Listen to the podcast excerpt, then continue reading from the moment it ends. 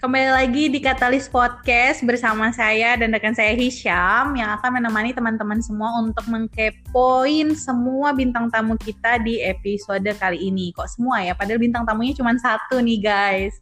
Iya, teman-teman, kan sebenarnya kita udah nemuin cara buat ngundang sampai tiga orang, Ci.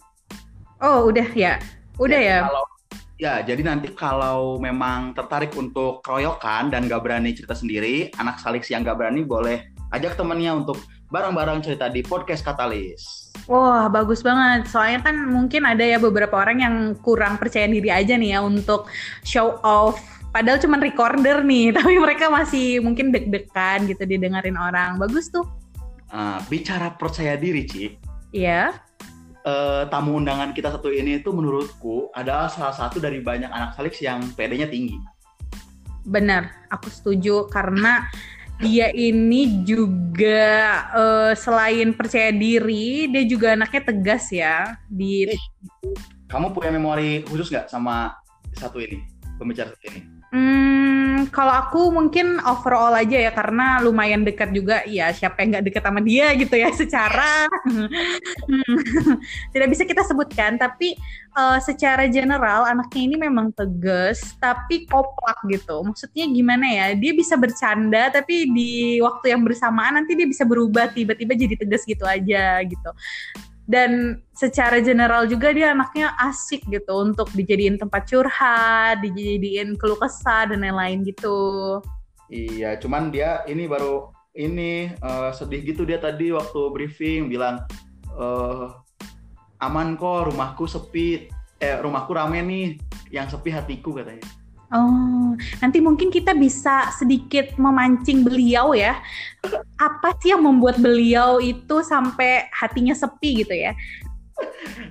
Tambahan ya, ini tuh Iya. kita satu ini tuh, aku ingat banget kata-katanya Yuri waktu kita milih eh, ini ya, waktu kita lagi diskusi angkatan gitu. Gimana tuh kata-katanya? Angkatan kita itu butuh mama-mama. Ah, iya, dia itu keibuan juga ternyata loh. Oke, tanpa berlama-lama aku undang aja ya. Iya. Udah. Halo Celia. Halo, Kang. Eh, sehat? Sehat. Kang Hisham sama Iya. Suci gimana? Sehat nggak? Sehat, sehat mas saya sehat Oh, selalu. Sehat bugar dong. Lihat dong. Terwujud nyata ya. Iya. Terlihat lah, nggak usah ditanya. Anda basa-basi sekali. Iya ini teman-teman, ini dia tamu kita kali ini, Ibu Komti kita tersayang, Celia Febriani. Uh, aku mau dikasih tepuk tangan juga dong. Gak bisa, nggak pakai alatnya Ya, Sel. ya udah aku tepuk tangan sendiri. Yeay. Ini emang parah banget Hisham, giliran komtinya masuk dia malah kayak gini Emang- Sel. Emang parah. Pilih kasih. Mm-mm, kacau banget. Eh enggak, ini tuh gini loh. Kalau yang datang Celia, itu tuh artinya eh nggak usah dikasih efek-efek tuh orang-orang pasti pengen dengerin gitu. Salah. Orang semua orang nurut sama kata Celia kok. Ah. Oh. Nah, habis ini THR ya Sel. Eh, nomor rekening ya, jangan lupa abis ini. Ih asik. Asik suka saya kayak Iya, gini. Sel. Iya, nanya dulu aja. Celia apa kabar? Tadi udah bahkan. Aku udah. baik. Hanya disuruh nanya. Aku baik Suci. Aku udah makan, udah mandi. Aku jomblo. Ah, Bahas apa ini? Celia sibuknya apa nih di tengah-tengah pandemi COVID-19? Apa ya? Eh, ya masih masuk kerja kayak biasa sih. Kalau yang lain ada yang teman-teman WFH, aku masih masuk. Oh, Jadi antara sedih serem atau banget. seneng sih sebenarnya. Ah iya. Karena kalau apa-apa sih. iya karena kalau nanyain teman-teman yang WFH gimana WFH kayaknya kan seneng tuh di rumah ya kan bisa mandi jam berapapun kerja terserah ya kan tapi eh ya itu di sisi yang lain masih bersyukur karena mereka juga wah bosen nih ceritanya gitu kan bosen di rumah terus nggak bisa keluar nggak ketemu orang ya ya ada positif negatifnya lah Iya, yang penting pemasukan di kantong tetap lancar, Ibu. Cuy. Yang penting skincare tetap jalan. Iya dong. Soal skincare nih mungkin Celia boleh nih introduce ke teman-teman semua mungkin beberapa anak Salix ataupun Tekim nih kepo Mbak Celia ini sebenarnya kerjanya di mana sih gitu. Ya, serabutan lah. Biasanya saya jualnya di eh, itu di perempatan. Ini kita udah kayak itu ya penjual bakso boraks tuh loh. Nah, saya juga mikirnya begitu, Ibu. Ih, kalau pakai alat tips diubah suara padahal. Ya. Eh, Halo. Shell, jawab dong, Shell. Kenapa? Oh iya lupa. Ya jadi eh, aku Celia asik. Aku Celia. Terus dulu Tekim 2015.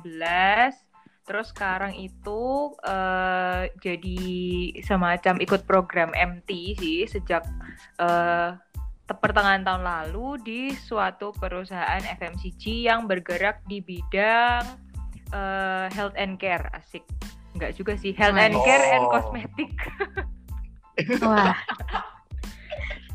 Pasti ini ya berarti traktor, perusahaan traktor iya ini ya. dong, bener banget. aduh pinter banget. pinter banget gitu salahnya. Iya, emang nih.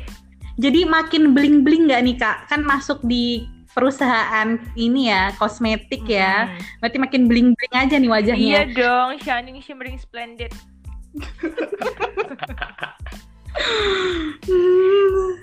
Gimana Shell? Tiap bulan dikasih ini ya produk-produk dari company kamu? Nggak tiap bulan juga sih, tiap bulan boros dong, bangkrut ntar tuh company. Jadi ya tetap tetap sih ada maksudnya karena kita sebagai pekerjanya juga tetap dapat eh, keuntungan salah satunya yaitu dapat produk cuman nggak setiap bulan. Kalau aku sih kebetulan dapatnya eh, tiga bulan sekali gitu. Hmm, Karena itu- mantap Di ya. jadwal, Sel. Kenapa? Di jadwal pembagiannya. nggak dijadwal juga sih tapi emang jatahnya mereka yaitu tiga bulan sekali mereka akan ngasih eh, ke pekerjanya lah Udah kayak dana bantuan Iya. tahu pakai di jatuh. Iya, aku pengen jadi sekalian bicarain prakerja di sini kayaknya asik deh.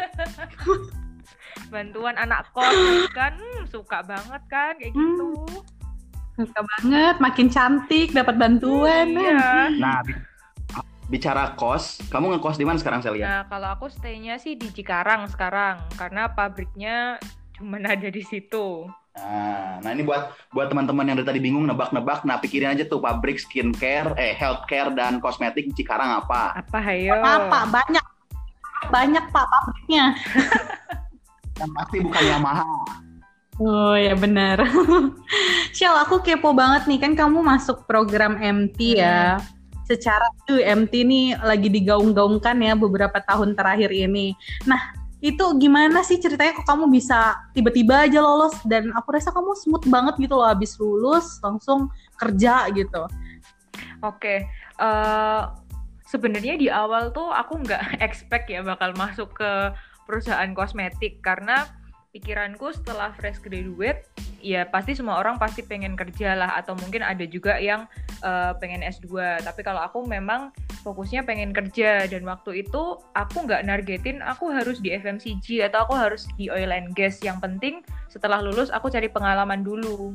Karena menurutku pengalaman sih yang penting gitu kan. Terus eh, ya udah kayak teman-teman 2015 lainnya dan mungkin teman-teman yang lain juga ya yang abis lulus mereka langsung eh, heboh tuh cari-cari kerjaan ngelamar sana sini. Pokoknya semua dimasukin CV bodo amat dan ntar mau dipanggil atau enggak masukin dulu aja pokoknya kan. Tuh nah terus Iya. salah satunya eh, kecantol lah yang eh, perusahaan yang sekarang ini. Nah eh, sebenarnya sih aku nggak menargetkan aku mau ikut program MT atau aku eh, ngelamar langsung jadi posisi staff level yang kerjaannya udah fix gitu loh. Karena kalau MT eh, mungkin sekedar gambaran juga ya buat teman-teman sama mungkin adik-adik yang eh, apa namanya mau lulus atau udah mau ngeplay ke perusahaan. Eh, MT itu jadi kalau menurutku tapi ini MT di tempatku ya mungkin beda di tempat yang lain Eh, jadi dia Hmm. itu programnya kalau di tempatku selama setahun. Nah, selama setahun itu nanti kita anak-anak MT akan dikasih project.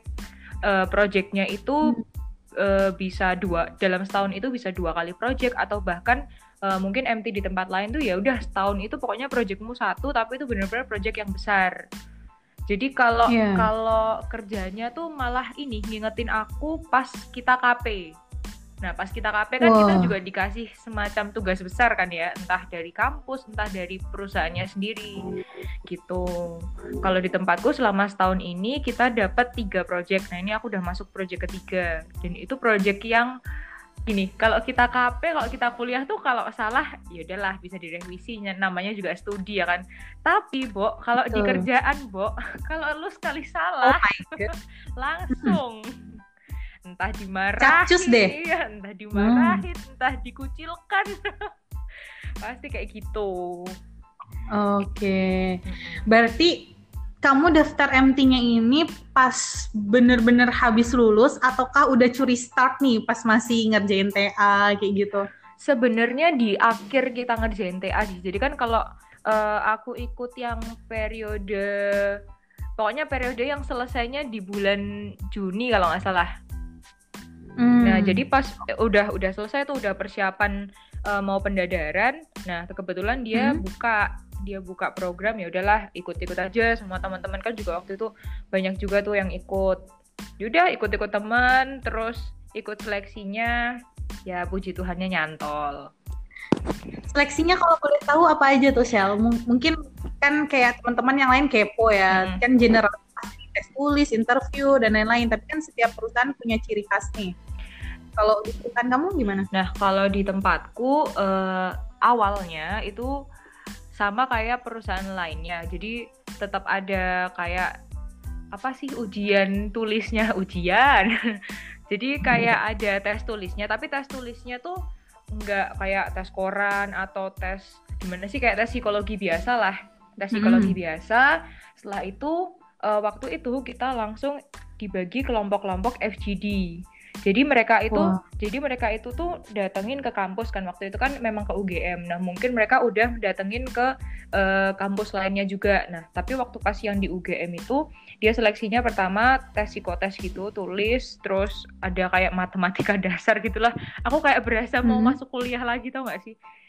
Iya benar. Gitu. Terus setelah itu ada FGD. Uh, eh, FGD jadi dibagi beberapa kelompok kecil. Nah, ketika FGD hmm. itu eh, masing-masing uh, kelompok tuh waktu itu diawasi. Nah, aku pikir waktu itu diawasinya tuh kayak ya udahlah mungkin ini uh, apa namanya staff biasa, mungkin staff HR-nya. Eh, waktu masuk aku baru tahu dong -hmm. yang ngawasin itu adalah uh, semacam GM-nya dia langsung Wah, jadi kayak mantap. Anjay, ini bosnya langsung yang ngeliat ya. Gimana iya. waktu itu ya aku gitu kan. Terus ya udah hmm. waktu itu uh, selama proses FGD itu diawasin sama si bosnya ini.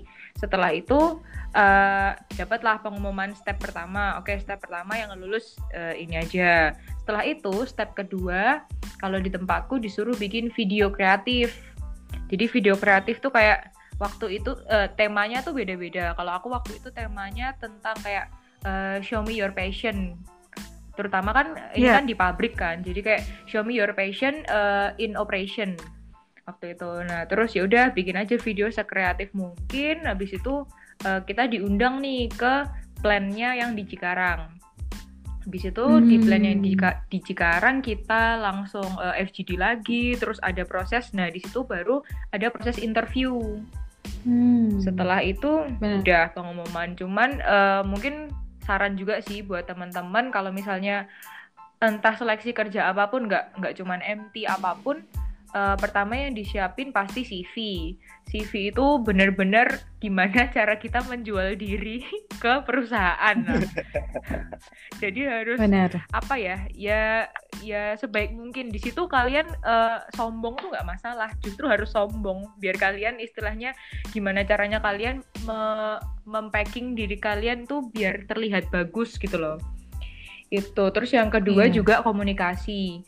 Uh, karena yang perusahaanku itu multinasional jadi dia English is a must. Oh. Jadi dia selama proses seleksinya itu ya semuanya dalam bahasa Inggris gitu. Mungkin uh, full uh, ya full. Mungkin uh, nggak semua dalam bahasa Inggris untuk semua company. Tapi menurutku uh, Inggris tuh sekarang penting banget gitu loh. Iya benar. jadi persiapin aja kayak uh, apa namanya ya udah nggak perlu grammarmu bener nggak perlu kamu pronunciationmu medok pun nggak apa-apa kayak aku kan medok jadi sebenarnya nggak masalah yang selama uh, lawan bicara kita tuh tahu dan paham apa yang kita bicarakan gitu loh Grammar nggak penting, yang penting ngomong aja Yes. lah gitu ya. dan pede sih Oke.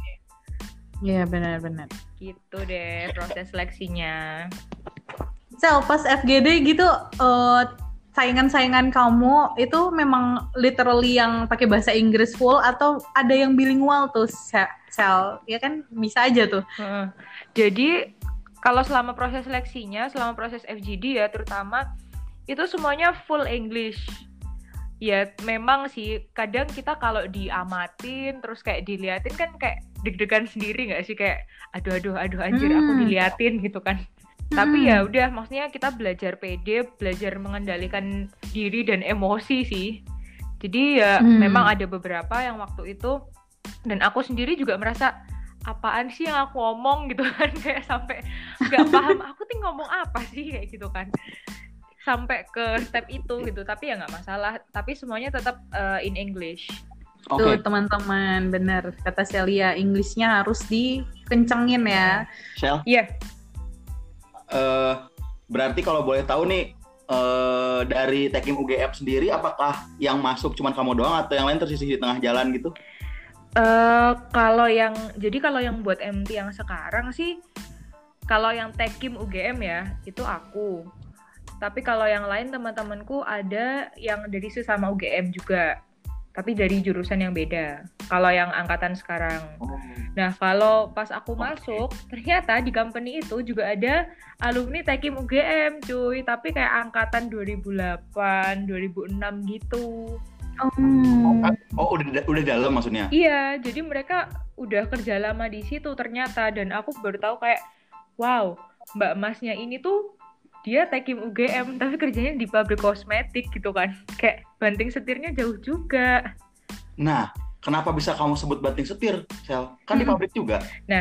Jadi kalau di pabrik eh, terutama kayak FMCG ya menurutku semuanya itu apa ya bahkan materi yang kita pelajarin selama kuliah itu nggak ada yang muncul sama sekali cuy Oh. sama sekali kayak kayak Lah. kita belajar perpindahan panas gitu kan terus kita belajar TRK gitu kan itu nggak ada yang dipak maksudnya ini eh, apa ya kasarnya tuh nggak ada yang dipakai maksudnya ilmu-ilmu Oh. untuk Oh. reaksi ini kecepatannya kecepatan reaksi ini lalalala itu nggak ada yang dipakai tapi yang dipakai adalah logical thinkingnya jadi kayak Hmm. lebih kalau di dunia kerja tuh kamu nggak akan belajar kamu nggak akan eh, disuruh untuk coba hitung berapa lama perpindahan panasnya gitu-gitu tuh enggak Kelamaan. Oh, oh.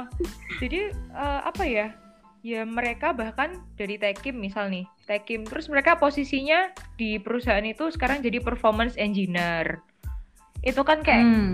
nggak ada nyambung nyambungnya sa- sama Tekim kan. Terus ada lagi yang eh, yang aku bilang alumni tadi dari Tekim dia jadi eh, supply planner. Oh, Hmm. Jadi menurutku ya banting setir banget sih. Dan lagi juga kalau di eh, apa namanya di FMCG itu pasti yang fast moving mereka pasti reaksi-reaksinya tuh kayak reaksi batch gitu loh. Hmm. Jadi nggak Iya, iya. nggak yang harus kita kan kalau yang di chemical engineering banget kan continuous process lalala gitu kan. Ya. Gitu. Jadi beda. Menurutku banting setir juga sih. Oke. Tapi terus kelebihan apa yang seorang lulusan Tekim miliki untuk bisa terjun ke dunia FMCG gitu? Kalau aku sih eh, kita kan dilatih untuk menguasai banyak hal gitu kan. kalian kalian kerasa nggak sih? Kamu harus penelitian. Terus kamu untuk TA kamu harus ngerancang dari T2 sampai T7. Kamu tuh ngitung Iya. secara teknis dan menganalisis ekonominya, ya nggak sih? Mm-mm. Betul Kayak semuanya tuh kita gitu. Semuanya kita yang bikin lah. Ya, ya itu yang just, yang justru kepake itu itu. Jadi kayak oke, misal nih karena aku kan sekarang lagi pegang project kan. Jadi justru yang kepake banget tuh adalah cara kamu ngerancang projectmu yang aku samain kayak waktu kita ngerjain TPPK. Stepnya. Hmm. Jadi misal oke step pertama kalau kita kemarin mau bikin pabrik kan analisis dulu nih pasarnya, lokasinya gitu-gitu kan. Nah sama, jadi lebih ke ke logical thinkingnya aja sih yang kepake. Dan itu bener-bener keuntungan buat eh, orang tekim. Karena nggak nggak semua nggak menurutku ya nggak semua orang tuh dilatih buat analytical thinkingnya. Nah kita di tekim menurutku itu udah dilatih banget Oke, oke. gitu. Terus kalau nah, kalau daily jobnya ngapain? Kalau kalau besarnya kan proyek Hmm. nih. Daily jobnya ngapain hariannya? Karena kalau MT itu ngerjain project, jadi kan tergantung projectnya ya. Kalau aku kan lebih ke operation.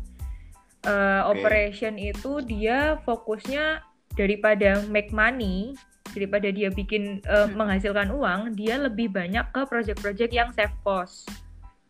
Jadi Hmm. eh, Oh, oke. apa aja sih yang bisa kamu optimalin eh, untuk biar pabrik ini tuh dia lebih hemat intinya gitulah. Hmm. Nah, Oke. jadi proyeknya lebih banyak yang ke arah situ, ke save cost itu.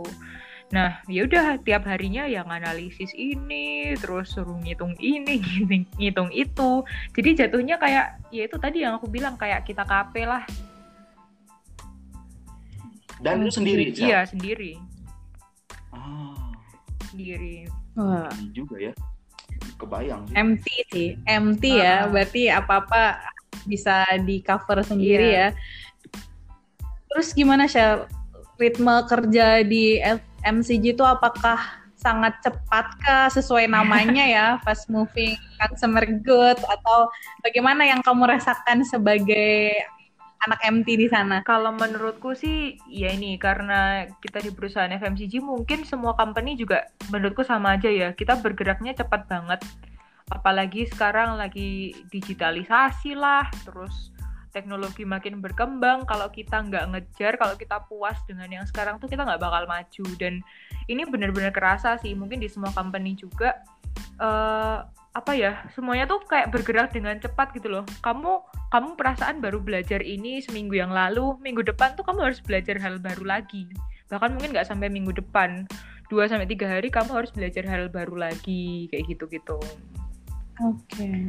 Dan kamu harus Terus gimana untuk Di- ngimbangin itu, Sel? ya gimana ya? Kalau aku jalanin aja sih. Karena karena kayak kita kalau masuk ke dunia kerja menurutku kita tuh belajar hal baru lagi. Jadi Benar. kamu Selagi Jadi kamu nggak benar. nggak apa ya nggak pernah berhenti belajar lah intinya. Kamu harus belajar terus. Buat teman-teman yang merasa puas setelah ngerjain tugas akhir, tolong ini dicamkan kata-kata ini. Iya, selagi hidup pasti belajar terus ya, Sel ya. Iyalah. Itu tuh kayak kemarin kita pendadaran tuh oke udah selesai. Nah, welcome to the real jungle istilahnya. Mantap.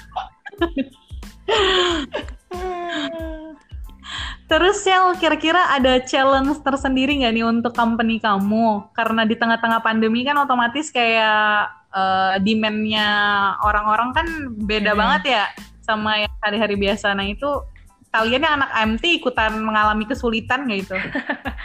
Kalau iya sih, mungkin karena pandemi eh, semua company bahkan semua orang kan juga pasti kena dampaknya entah kalau di perusahaan mungkin dia demand-nya akan berkurang terus mungkin budgetnya juga nggak akan dinaikin. Nah, kalau ke aku sih lebih ini sih, lebih project karena kan karena kan aku sekarang ngatasin project. Nah, eh projectnya yang kalau dari kemarin-kemarin tuh ada project untuk investment, sekarang jadi kayak nggak ada. Ya udah kamu sekarang ngerjain project yang lebih ke yang aku bilang tadi yang ke save cost aja daripada yang invest. Nah, padahal save cost tuh ngomongin eh suatu hal yang udah optimum, terus kamu suruh ngoptimumin Mhm. lagi. Kayak pusing nggak sih? Iya, Musing. berat itu. iya kan? itu kayak ibarat kata mem- membuat uang tuh bisa beranak Nah, iya. gitu. Aku ha- harus kamu ternak tuyul untuk menghasilkan uang-uang itu. iya bener. Gitu, guys.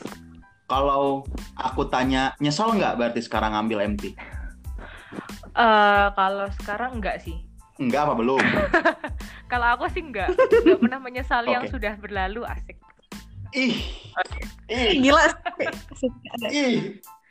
Karena karena Kenapa? menurutku gini sih, eh, bedanya MT sama yang lain maksudnya ini kalau menurut pendapatku ya mungkin kalau teman-teman nanyain eh, orang lain yang udah MT mungkin akan beda tapi kalau menurutku eh, bedanya MT dengan kalau kita ngeplay langsung ke satu posisi yang fix misal aku ngeplay jadi planner di suatu perusahaan gitu kan bedanya kalau MT itu kita punya ruang untuk belajar untuk explore lebih banyak daripada eh, kalau kita ngeplay di satu posisi yang udah fix. Jadi maksudnya gini misal nih aku ngeplay di bagian eh, quality control. Di situ yaudah aku ketika sekali masuk aku akan belajar quality control doang.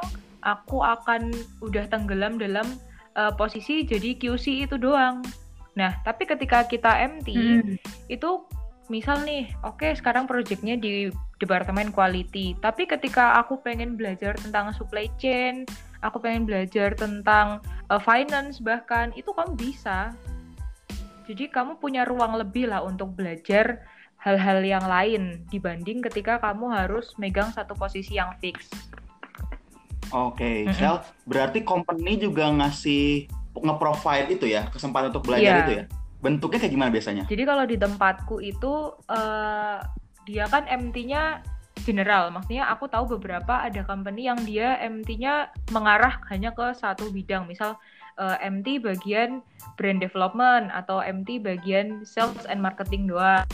Tempatku eh, dia tuh general gitu loh, jadi kamu bisa belajar ke entah tadi di bidang finance atau di bidang eh, yang lain-lain. Jadi caranya kayak eh, nanti mereka HR-nya akan bilang, akan nanyain kamu setelah ini pengen belajar apa, malah ditanyain gitu. Berarti kalau project kayak gitu, Shell, kamu bertanggung jawabnya kepada siapa? Ke HR-nya atau langsung ke manajer Eh, projectnya gitu? Ke manajer project tapi atas pengawasan HR karena kan kalau MT itu setauku dia kalau di tempatku ya MT itu masih di bawah tanggung jawabnya HR. Tapi ketika kita udah masuk project itu tetap eh, report secara teknisnya itu ke manajer project. Hmm, jadi kayak Iya. ikutan rapat juga gitu-gitu ya, Shell? Iya benar, Kayak KP banget berarti ya? sis kayak KP. Terus Shell ini, kan kamu tadi bilangnya Mm-mm. MT-nya programnya setahun kan? Ah, setelah setahun ini, apakah ntar ada ya evaluasi pasti ya lah ya. Terus habis itu untuk kemungkinan kamu tetap menjadi pegawai di sana tuh seberapa Nah, besar kalau gitu? Masalah after MT-nya itu sebenarnya tergantung kebijakan masing-masing company ya. Tapi kalau di tempatku eh, nanti akan dilihat dari hasil evaluasi dan mereka akan menanyakan kamu ke depannya mau seperti apa. Kalau misalnya kamu memang mau lanjut, ya dari company akan eh, istilahnya ya akan mempersiapkan gitu loh. Tergantung passion kamu atau kamu sukanya di bidang mana. Tapi kalau dari kitanya sendiri, ah udahlah aku habis MT mau eh, misal mau S2 atau mau ngeplay ke company lain itu yaudah mereka akan dengan berat hati melepaskan kayak gitu. Oh, berarti kalau di perusahaan kamu ini lebih itu ya lebih fleksibel. Soalnya kan ada beberapa company yang mereka mengevaluasi, Hmm. mereka pula yang menggugurkan kayak gitu kan. Kalau kamu ini kayak lebih Iya. menguntungkan gitu ya posisi MT-nya. Gimana sih? Mau nanya apa lagi nih seputar MT? Mumpung ada Celia ditanyain aja terus sampai dia capek. Capek aku guys. Kenapa? Sel. Kenapa Kang?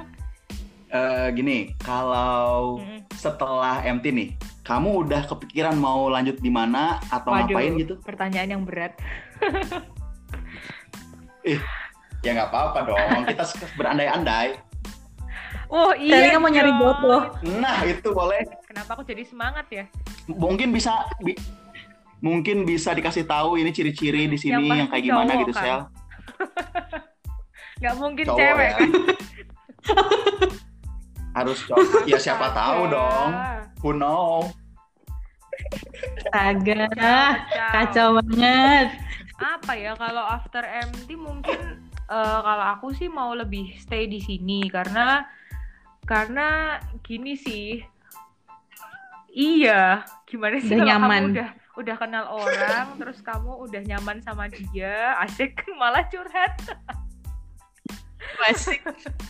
Loh, Oh, iya, kan iya. sekalian, Ya, sebenarnya sekalian. kalau orang PDKT gimana sih kamu udah kenal dia udah tahu dia baik kan ya kamu nggak akan ngelepasin dia kan Oh. ini ini fix sih dari kata-katanya sendiri kan dia beneran kesepian ini hatinya. Astaga, aku kayak desperate banget ya orangnya. Oke, oke. Balik ke topik yang awal. Jadi kalau menurutku kalau misalnya eh, aku sih tipe orangnya kalau ya udah kalau di company ini aku udah nyaman terutama dengan lingkungan kerjanya, terus dengan orang-orangnya, bahkan dengan kerjaan yang akan nanti aku lakukan, ya kenapa aku harus cari di tempat lain gitu loh. Karena karena kalau menurutku pekerjaan di semua company bakalan sama aja. Kamu mau cari kerjaan di perusahaan Hmm, besar iya. pun kalau kamu orangnya nggak cocok ya sama aja ya kan? Jadi eh, dan Hmm. kalau misalnya kamu mau pindah ke company yang baru itu kamu harus adaptasi lagi. Kamu harus mulai dari nol lagi. Itu kayak udahlah yang sekarang aja yang sekarang aja udah udah merasa nyaman gitu Selain nyaman juga perusahaannya kan juga Mm-mm. udah bagus banget sih ya. Jadi sayang kalau Mm-mm. langsung ditinggalin gitu aja. that's right Kalau oke di perusahaan se- ini sekarang lanjut, eh, itu Oh. mau di bagian apa gitu? Ya ya ya ya. Oke oke oke. Kalau yang di sekarang sih eh mungkin di area production atau di supply chain-nya. Apa tuh kamu milih itu? Karena eh departemen itu tuh yang dia dia tuh core bisnisnya lah. Jadi kalau kita ngomongin pabrik itu kalau di pabrikku ya core bisnisnya itu ya di departemen production sama di supply chain. Jadi kan eh pasti ada Hmm. tantangan baru lah istilahnya tiap hari di kalau kerja di departemen itu dan kamu akan bergeraknya dinamis Hmm, kamu nggak akan statis gitu loh nah eh, apa ya ya itu sih lebih tertarik ke situ lebih ke core bisnisnya oke. Mm-mm. Cocok sih Asik, emang sama pribadi pribadinya? Celia ya. Anaknya nggak bisa diem. Nggak bisa diem soalnya. aku kalem Ada loh aja Iya. yang dibuatnya. Ada aja Bener. tuh ntar. Nyusahin saya ini. Ada aja, pasti ada kerjaan aja, pasti aja terus. Pasti aja ada Suci tiba-tiba cemas Suci pasti kan. yang jadi dikorbanin Suci itu satu salah satunya. iya maaf ya Suc. Sel, ini aku mungkin ya teman-teman di luar sana tuh ada yang penasaran nih. Kira-kira pribadi seperti apa sih yang memang cocok untuk MT? Soalnya aku beberapa ya teman Hmm. Salib tuh sempat ada yang curhat juga katanya, aduh pribadi aku nggak cocok di MT gitu. Nah aku kan jadi emang ada ya spesifikasi khusus gitu untuk yang masuk MT pribadinya kudu gini berkepribadian gitu. ganda aja udah Nggak, kalau masalah ngomongin masalah pribadi mungkin masalah skill, attitude gitu ya. Kalau itu sih tergantung ke kebutuhan perusahaan. Yang penting ya be yourself aja gitu loh. Jangan sampai kamu eh, karena aku pengen jadi MT di perusahaan ini, aku nggak jadi diriku sendiri. Nah, Ah, eh, kamu kalau berpura-pura tuh capek nggak sih? Capek, pura-pura bahagia aja capek ya. Gitu. Jadi kayak kalau ngomongin masalah pribadi, skill itu kembali ke company masing-masing. Kayak gitu. Tapi yang yang jadi kuncinya sih ya udah kamu jadi be yourself aja. Yang penting kamu nyaman dan perusahaan bisa menerima eh, attitude-mu, ya udah jalan aja. Nah, nggak ada nggak ada yang khusus Oke, sih. Sel, kalau di perusahaanmu sendiri, pribadi seperti apa yang bisa kira-kira jadi ngepas gitu, ngeling gitu? Aduh, pribadi yang kayak gimana ya? Aku sendiri juga Gini, bingung. gini, gini. Yang san- Nah, santun dan berbudi luhur. Coba dilihat eh, pimpinan-pimpinanmu yang performanya bagus itu kira-kira yang kayak gimana? Senior-seniormu gimana? Eh, Oke, mungkin yang pertama itulah down to earth, humble, Humble, oke. yang pasti kayak gitu. Terus, yang Terus? kedua juga pasti mau kerja keras. Eh. ya kalau mau kerja keras kayaknya semua company harus kayak gitu Oke. ya. Ngapain nggak, bayarin orang terus males-malesan gitu kan? Nah, Eh, lebih ke apa ya humble aja sih humble terus jangan jangan arogan lah ya udah kamu bisa Hmm, kamu benar-benar. kamu kalau mau arogan itu jangan eh, jangan dengan mulut tapi dengan eh, eh, dengan perilaku gitu loh. Kamu nggak usah nggak perlu nunjukin Pak, saya bisa eh, MATLAB, saya bisa ini itu. Tapi yaudah, misal eh, atasan ngasih tugas, oke kamu ngelakuin ini ini ini, yang penting hasilnya atasan suka ya udah, nggak perlu nggak perlu yang banyak Hmm, mantap. ngomong lah istilahnya. Oke, oke. Yes, Let's talk, do more. Oke, oke. itu deh. Kang Hisham gimana sama Suci? Apanya? Gimana? Apanya yang gimana? Gimana udah makan belum? Asik. Eh, puasa woi. Oh iya lupa. Puasa. Udah eh, sahur belum? Salah. Oh iya, iya iya iya oke oke oke oke. Uh, kayaknya udah cukup banyak cerita tentang kerjaannya Celia. Sekarang kita masuk ke sesi khusus yang hanya diberikan untuk beberapa orang ini. Asik. Sesi. Kenapa beberapa iya, orang? Ya, karena ini namanya adalah sesi oh, kompi. Iya. Yeah, prok prok prok prok prok prok. Nanti nanti dikasih dikasih iya, interlude kok, dikasih lagu-lagu. Deng deng deng deng deng deng deng deng. Oke, Celia. udah kayak barongsai. Oke, Celia. Eh, bener kan Anda komti? Ya, Benar Anda komti? ya, Iya. benar. Eh, kenapa Anda berminat jadi komti sih dulu? Ya, ya gimana ya? Ya nggak tahu lah. ya ditumbalin.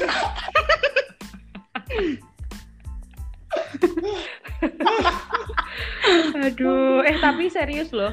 Yang kompinya bertiga itu cuma Tekim tau. Nah, Tekim UGM atau Tekim lain? Oh, Tekim lain. Oh, betul. Tekim Tekim. UGM lah. Kita ngomongin UGM dulu lah. Kenapa harus bertiga, Sel? Nah, ini nih. Survei apa? Nggak tahu ya filosofinya apa. Nggak tahu. Bayangin kita. kamu sendiri. Kenapa harus Sel. bertiga? Bayangin Nah, sendiri, enggak. bisa nggak ngurus Tekim tek sangkatan? Bakalan berat Bakalan sih. berat. Bener bakalan berat karena ya tau lah anak Tekim kayak gitu. Kayak gitu gimana? Kenapa sih? Aja sel. Nggak anak Tekim tuh kan baik-baik orangnya. Nah saking baiknya, jadi kayak susah Oh. gitu. Mau marahin tuh nggak bisa kalau sendiri.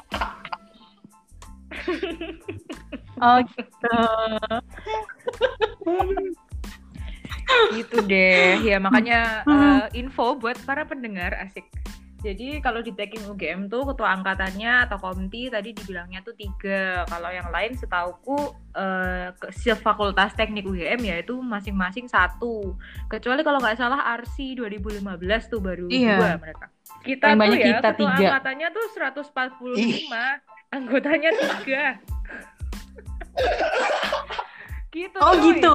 Salah kamu. Bahkan dia lupa jumlah anak angkatan sendiri, woi. Oh salah. Oh iya salah ya aku. Satu empat lima tuh dari ya. mana ibu? Faktor Oh, umur Satu. cuy. Terus siapa lagi? Ya gitu deh. Iya, oke. Kalau Sel. ditanyain, Eh, Mm-mm. coba ini deh, apa ya? Kalau komti kita berarti bicara angkatan, ya nggak sih? Mm-mm. Sebagai ibunya anak-anak, banyak ya iya banyak dong. Apa kesan yang paling ini, paling berdampak kira-kira buat kamu dan hidupmu sekarang, Sel? Asik.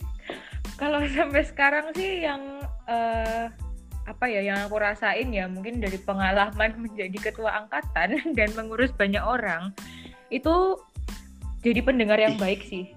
Itu yang paling aku yang paling aku belajar waktu jadi ketua angkatan. Jadi kayak kamu tuh nggak bisa maksain orang menurut kehendakmu sendiri gitu loh.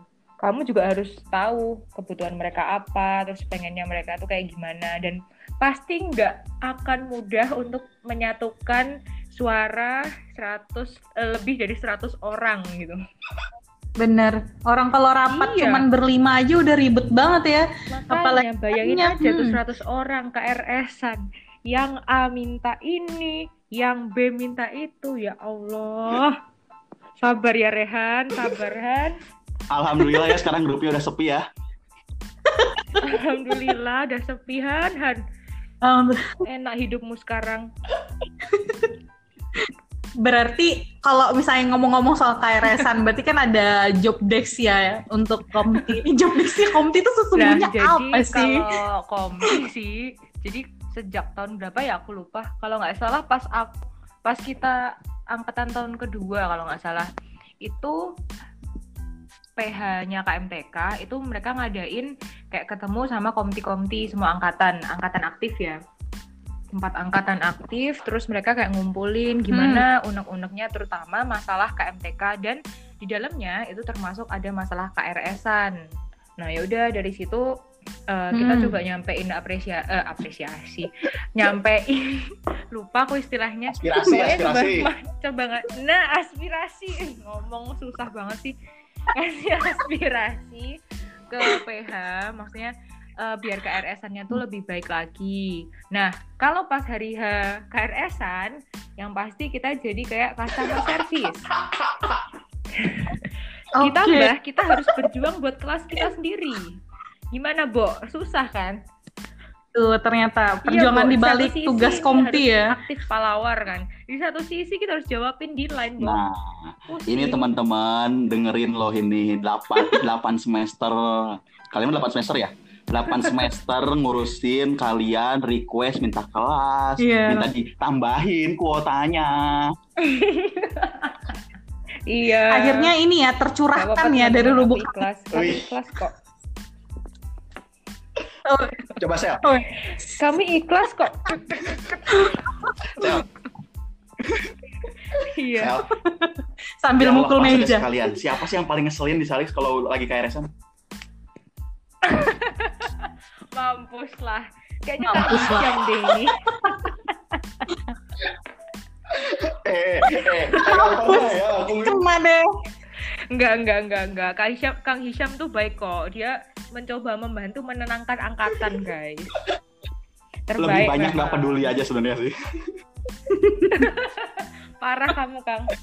Lah, yang aku nggak pernah dapat kelas bagus kok. Hmm. Ngeluh, ngeluh. Ngeluh, ngeluh. Udah, Ayo udah, udah beres, udah beres. iya, iya, iya. Yang penting udah berlalu Ah, ya. coba, coba, coba. Udah. Mau dijawab yang tadi? Wah, kalau siapa eh, janganlah. Itu menyangkut harkat dan martabat manusia.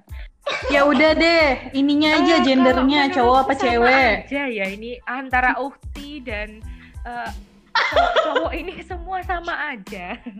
Jadi ya ya gitulah kalian tahu Oke. sendiri. Berarti kesimpulannya teman-teman nggak usah eh, ini ya, nggak usah. Aduh, aku ternyata nggak banyak ternyata kayak gitu. Iya maksudnya eh, kalau di sini sih aku mencoba memahami sih. Mungkin ya mereka bakalan feeling apa ya? Feeling good. Enggak deh. Mereka bakal bakal kayak insecure Iya, like gitu. loh kayak aduh aku dapat kelas enggak nih? Terutama kan eh, harus kelas yang pengajarnya ini. Nah itu kalau udah mulai dapat orang-orang yang kayak gitu tuh mungkin eh, kalau dari kita komti ya coba coba ngomong gitulah udahlah nggak perlu kelas yang ini sama aja tapi ntar akhirnya juga ngambil kelas itu.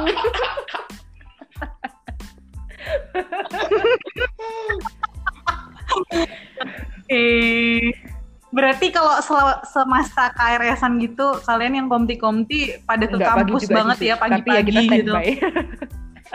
setidaknya standby itu biar nanyain aja sih kayak nanyain ke siapa bapaknya aku lupa. Yang suka bukain? Bukan yang suka bukain kota. Mas Kelik. Mas Kelik siapa? iya Pak Mus Mas Mas Ari. Juga Mas Ari. Oh, Pak Mus. aduh sumpah ini kayaknya aku faktor umur Gimana deh gitu ya itu kayak nanyain kan pak kira-kira dibuka enggak atau kalau enggak ngubungin ke PH bisa enggak kelas ini dibuka atau eh terutama kalau pas kita praktikum sih Ah, bener nih. Lanjut ke praktikum aja nih, kasih. Nah itu apalagi praktikum kan kita harus ngatur oh kalau praktikum ini harus ada dua sesi dua sesi terus nanti tabrakan sama kelas A sama kelas B udah buyar nggak usah kuliah aja kalian udah gitu aja capek Jeda. Celia, Celia kan aslab, Sel. Iya. Iya sih kayak gitu sih bener. Aku curhat jatuhnya. ya intinya kayak gitu. Jadi Celia ini selain komti, dia Ya, nyambi itu juga jadi loh. enggak enggak enggak enggak bercanda bercanda. Ya jadi kayak gitulah ngatur-ngatur jadwal kelas. Terus kalau untuk sekarang, Bukan. Sel. Kalau sekarang ya mengatur biar kita nggak saling sombong gitu kan. apakah Mungkin sekalian ini Kal, kira-kira Oh. udah ada rencana-rencana gitu buat Salix untuk ngapain gitu belum? Eh, rencana apa ya? Apa ya? Nanti kita tunggu undangan Oh, terdekat aja siap, kali siap, ya siap, biar siap. buat buat buat kita bisa Iya. itu reuni. Tunggu sih, tunggu aja undangan yang paling deket siapa nih ntar nggak tahu. Disebut aja disebut. Eh, Iya nih. siapa ya? Jangan. Mungkin Mariska. Ah. Mungkin Jangan jangan. Wow. Ya, buat, Wow. buat yang sadar diri aja lah, ya. buat buat yang siap-siap ngundang sadar diri Iya. aja. Ini kita punya satu podcast yang didengerin sama anak Salix banyak, teman-teman. Jadi bolehlah di sini promosi ya. Iya. Tolong ya, kalau nyebar undangan bisa lewat sini nggak kan? Boleh, boleh. Aduh. Ini loh semenjak apa udah pada lulus terus mancar-mancar juga itu tuh banyak banget yang ngetek Celia. Duh kangen, duh kangen. Iya, makanya Pas diajak kumpul kagak mau ya. Kumpul aja, hilang semua. Gimana kalau dari Kang Hisham sama Suci kemarin Komti? Hah? Enggak, maksudnya gimana Hah, yang dirasain? dari mananya ibu? Mohon maaf. deh. Oh, nggak ada. Kok aku yang emang aku tahu ada apa di ini, situ? Suci itu ininya apa namanya? Asistennya Hmm. Komti itu. Asik. Disuruh apa? Jalan. Bikin ini ini jalan. Pom, ayo. Itu tuh biar Suci eh, kurus aja, Kang. Enggak Suci bercanda, Suci. Bercanda, Oh, gitu. Bo. Oh my god, iya bener banget. Aku tapi juga akhirnya gue jadi Enggak, banyak enggak. jalan. Karena kita tahu Suci kan deket kan sama banyak orang. Jadi ya udah, maksudnya eh, kan kita nggak mungkin kan bisa mempersatukan lebih dari 100 kepala dengan tiga orang aja. Pasti kan kita akan butuh bantuan ke teman-teman yang bisa ngerangkul sesamanya begitu. Iya. Enggak sel sebenarnya aku nangkapnya gini. Aduh aku nggak mau capek ya udah serahin ke Ya, Suci itu, aja. Itulah, Suci. Ya di balik semua itu ada itu. Itu Terima kasih Suci. iya tahu aku tuh. Oke, oke. Iya sama-sama tentang Ibu Komtinya disain buat Komti. Rehan sama Rama ya. Iya iya iya. Plus Farel nanti, plus Farel. Nah ya benar. Oke, Sel. Kalau pesan buat anak-anak yang lagi tugas akhir sama masih kuliah di Tekim apa, Sel? eh nikmatin aja, berikan yang terbaik karena sejujurnya kalau kalian nanyain kerja sama kuliah lebih enak mana lebih enak kuliah guys. Jadi nikmatin aja yang sekarang kalian lagi jalanin entah lagi uas, lagi TPPK, lagi kuliah, nikmatin aja dan berikan yang terbaik. Oh, Itu eh apa? apa? Eh iya. Kang ada yang ketinggalan. Masalah katalisnya dia, katalisnya dia. Tolonglah sekarang ini aku lagi gak punya Ih, katalis ini kan pada nggak ngerti nih. Pada nggak Kenapa ngerti dibahas? ini tuh, Ci. Katalis itu bukan yang lagi nemenin atau pacar, Mhm. bukan itu gimana sih? Ya emang siapa yang bilang itu pacar? Eh, jadi kalau tak ulangin lagi nih ya, konsep itu kan katalis itu Iya iya. iya. eh, bantu reaksi, tapi di akhir berpisah. oh. Jadi poinnya adalah ini loh orang-orang yang udah bantu aku, orang-orang yang udah ber, berma- apa, memiliki dampak di hidupku, tapi di ujungnya kita tuh nggak bisa bersama gitu. asik Nah, pengennya tuh kayak gitu yang dibahas. diperjelas. kayak mantan gitu ya. Eh, Siapa? Mungkin mungkin lebih ke tapi ini nggak nggak akhirnya nggak bersatu ya. Boleh nggak yang akhirnya tetap bersatu? Bukan katalis dong. Anda ini seperti bukan anak tekim saja. Tidak, tidak boleh, tidak boleh. Aduh. Bingung. Mungkin yang Siapa berjauhan, ya? jadi nggak kontakan gitu. Iya, tapi akhirnya bersatu, Kang. Asik. Dari awal bersatu bahkan. Enggak maksudnya Oh. orang tua maksudnya. Wah, Nggak boleh dedel. Jadi kayak yang bener yang bener-bener jadi penyemangat itu sih orang tua sih yang pasti kayak ya kamu mereka udah ngeluarin eh, duit dan istilahnya ngeluarin segalanya ngasih segalanya yang terbaik buat kita jadi orang yang baik. Nah kan masa kita juga mau mengecewakan mereka kan ya ampun kamu jahat banget Iya. sih gitu loh. Benar. Jadi jadi katalisnya ya itulah keluarga Mm-mm, benar, orang tua. benar. Eh, sebenarnya kalau misalnya kamu mau nyebut mantan pun ya Sel, kamu nyebut dia gitu, kita juga nggak ngerti loh, sumpah. Oh, Kayak, iya aku ada, iya jadi gitu, dia tuh kayak lebih gini-gini meyakinkan gitu, tuh. Biasa kayak, ya coy, kita aku tuh punya ini loh, dia tuh dia tuh kaya banget dulu, cuman ya uangnya udah habis aku porotin gitu kan gitu kan enak. Jahat banget sih. Bener, kayak gitu aja guys, simple. aku nggak punya. Oh. ini ini ini bukti teman-teman bahwa Celia itu pandai menjaga sekali Masa silaturahmi. sih? Jadi nggak ada yang berpisah sama Celia. Oh iya bener. Iya, iya, iya. Oh bener. Iya. Oh, iya. Astaga. Biarpun mantan tetap dihubungi gitu ya. Astagfirullah. Iya nggak apa-apa. Sabar Sel. Maaf, Aku ikhlas kok. Sel, maaf ya. Sel. Minal aizin, minal aizin. Untung temen ya. Jangan kirim ini. Oke. Ayo Sel, nggak ada? Halo. Eh, Iya. Cel, kalau tadi kan buat anak tekim yang lain, kalau buat tekim 15 yang yang udah pada kerja, yang masih TA, yang lagi nunggu kerja kayak aku sama Yang buat Tekim 15 sih. Jangan sombong, halah. Pokoknya ya nikmatin aja, selamat menikmati The Real Jungle buat yang eh, yang udah kerja, terus yang masih mencari kerja pun juga semoga segera diberikan yang terbaik, yang company yang terbaik, pekerjaan yang terbaik, terus yang masih kuliah juga semoga cepat kelar, cepat semua urusannya dituntaskan, cita-citanya tercapai semua. Amin. Amin. Ya Rabbal Alamin. Udah itu aja, Kang? Amin. Iya, tolong Ain. Nambah, ya nambah dong. Abaim ya Allah. Kan kalau Apa 91 bikin taman. 9 Oh, eh tiga bikin KMTK Lounge. Kita mau bikin apa, Sel? hmm. bikin keributan aja boleh nggak? Bikin keributan aja ntar di tagih. Boleh. Ya gimana lahannya udah dihabisin semua. Eh, Besok tuh kan kayak apa? KPFT besok 12 lantai, Sel. Tahu nggak sih? Oh iya, Nanti iya, tuh iya. kelas tuh kayaknya nggak di situ lagi. iya, iya. iya. Oh, kelasnya nggak di gedung Enggak, itu Tekim. kalau kalau aku dengar Tapi eh, kabar-kabarnya itu yang gedung-gedung satu jadi lab aja. iya sih, Ya ha, udah, katanya ntar. gitu. Ntar nyumbang gelas beker aja kita udah. Tapi gak.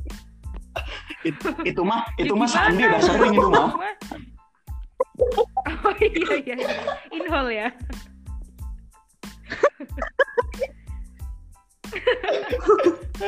Aduh, Eh, jadi Anda aspek tersinggung. itu berapa sel ya? Aku inhol Oh, satu ya. guys. Kecil lah ya. Iya iya iya. Akang Aku inhol tuh? PAB itu dua, proses tuh empat kayaknya.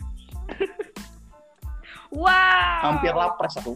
Hampir lapres. Jenderal cuy. Wuh, wuh, Suci suci. Inhol satu. Ah, Waktu biasa. itu keroyokan sekelompok Buset, gitu, itu satu tim, satu batch tawuran kena inhol. bicara bicara tawuran ya, cuy. Eh bisa bicara tawuran lagi salah kan. Biasa, ada insiden. bicara lab ya. Ada satu momen yang aku ingat banget. Aku tuh pernah sekali nggak ikut praktikum demi ikut demo, coy. Astagfirullah. Astaga, emang emang Kang Hisham ini aktivis guys. Keren Wah. banget emang 2 Kang. Mei 2016 itu lagi demo UGM tuh aku malah ikut demo daripada ikut praktikum cuy. Dimarahin sama Mas Noval kalau nggak salah. Terus akhirnya terus akhirnya Sulan di susulan nggak ujung. Udah udah udah kayak Ngawur sih, ngawur. gitu-gitu. Nggak apa-apa Kang. Demi masa depan Alah, kampus tuh. Kalau nggak ada Kang Hisham, siapa yang akan memperjuangkan? Si banyak.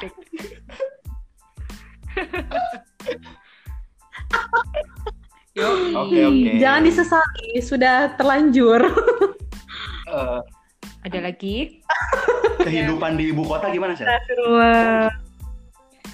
Iya, mohon maaf, aku nggak di ibu Oh kotanya, enggak Kak. ya? Aku kan anak kabupaten sekarang. Oh enggak ya? Tapi itu sih, maksudnya maksudnya Eh, kalau di main tetap ke ke sana sih, karena Cikarang nggak ada apa-apa.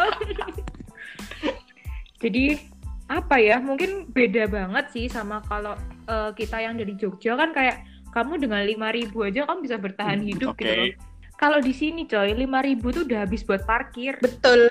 Kamu belum dapat apa-apa. Jadi ya memang emang kerasa banget sih waktu eh, apa ya ya gaya hidupnya terus sekarang serba serba biayanya nggak nggak semurah di Jogja gitu loh. Oh.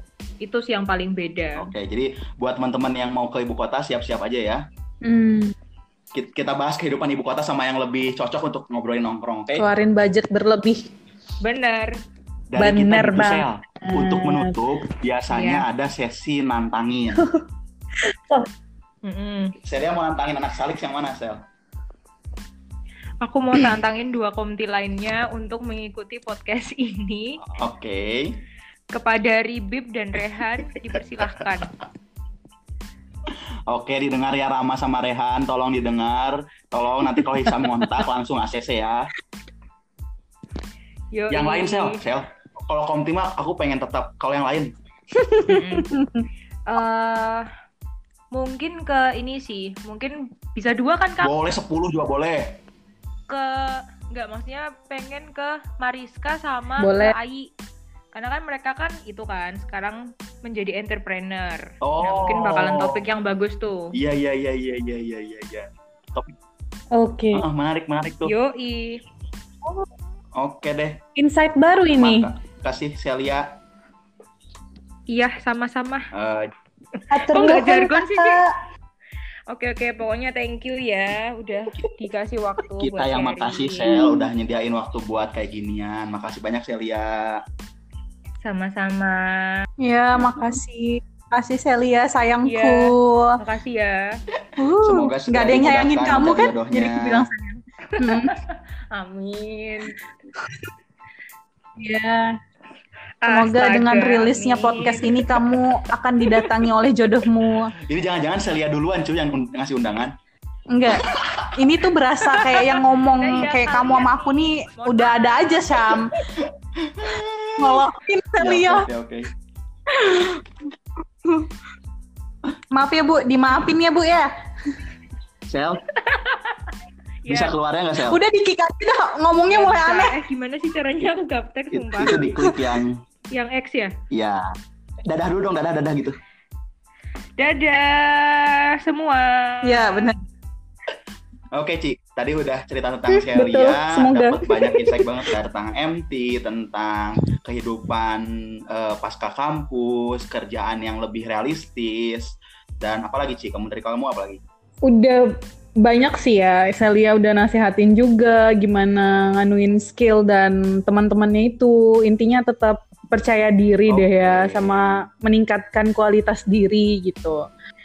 And then juga dengan nanti apa podcast ini rilis, kita udah nambah eh, beberapa bidang lagi ya. Kemarin kan dari beberapa episode sebelumnya kan kita oil and gas company mulu. Nah akhirnya ini udah mulai berpindah lagi ke dunia eh, FMCG company. Mungkin next episode kita harapannya ada eh apa ya beragam lagi untuk company-company yang belum keluar gitu. Jadi teman-teman Salix jangan takut untuk Iya. Jadi kita jangan- dulu jangan- supaya bisa oh, masuk malu-malu. ke Aduh, room podcast Aku pengen kita. deh ngobrol tapi malu, alah perketek. Iya. benar. Iya. Kangen-kangen. Let it kita flow di aja situ. kayak teman lama bersemi kembali gitu loh, teman lama. Oke, gitu aja podcast kita hari ini. Sehat selalu untuk teman-teman, terutama yang apa ya masih bekerja tetap semangat, yang WFH tetap Eh, sampai produktif jumpa di ya di rumah masing-masing ataupun di kos. Mungkin itu aja dari kita. Oh ya udah. Dadah.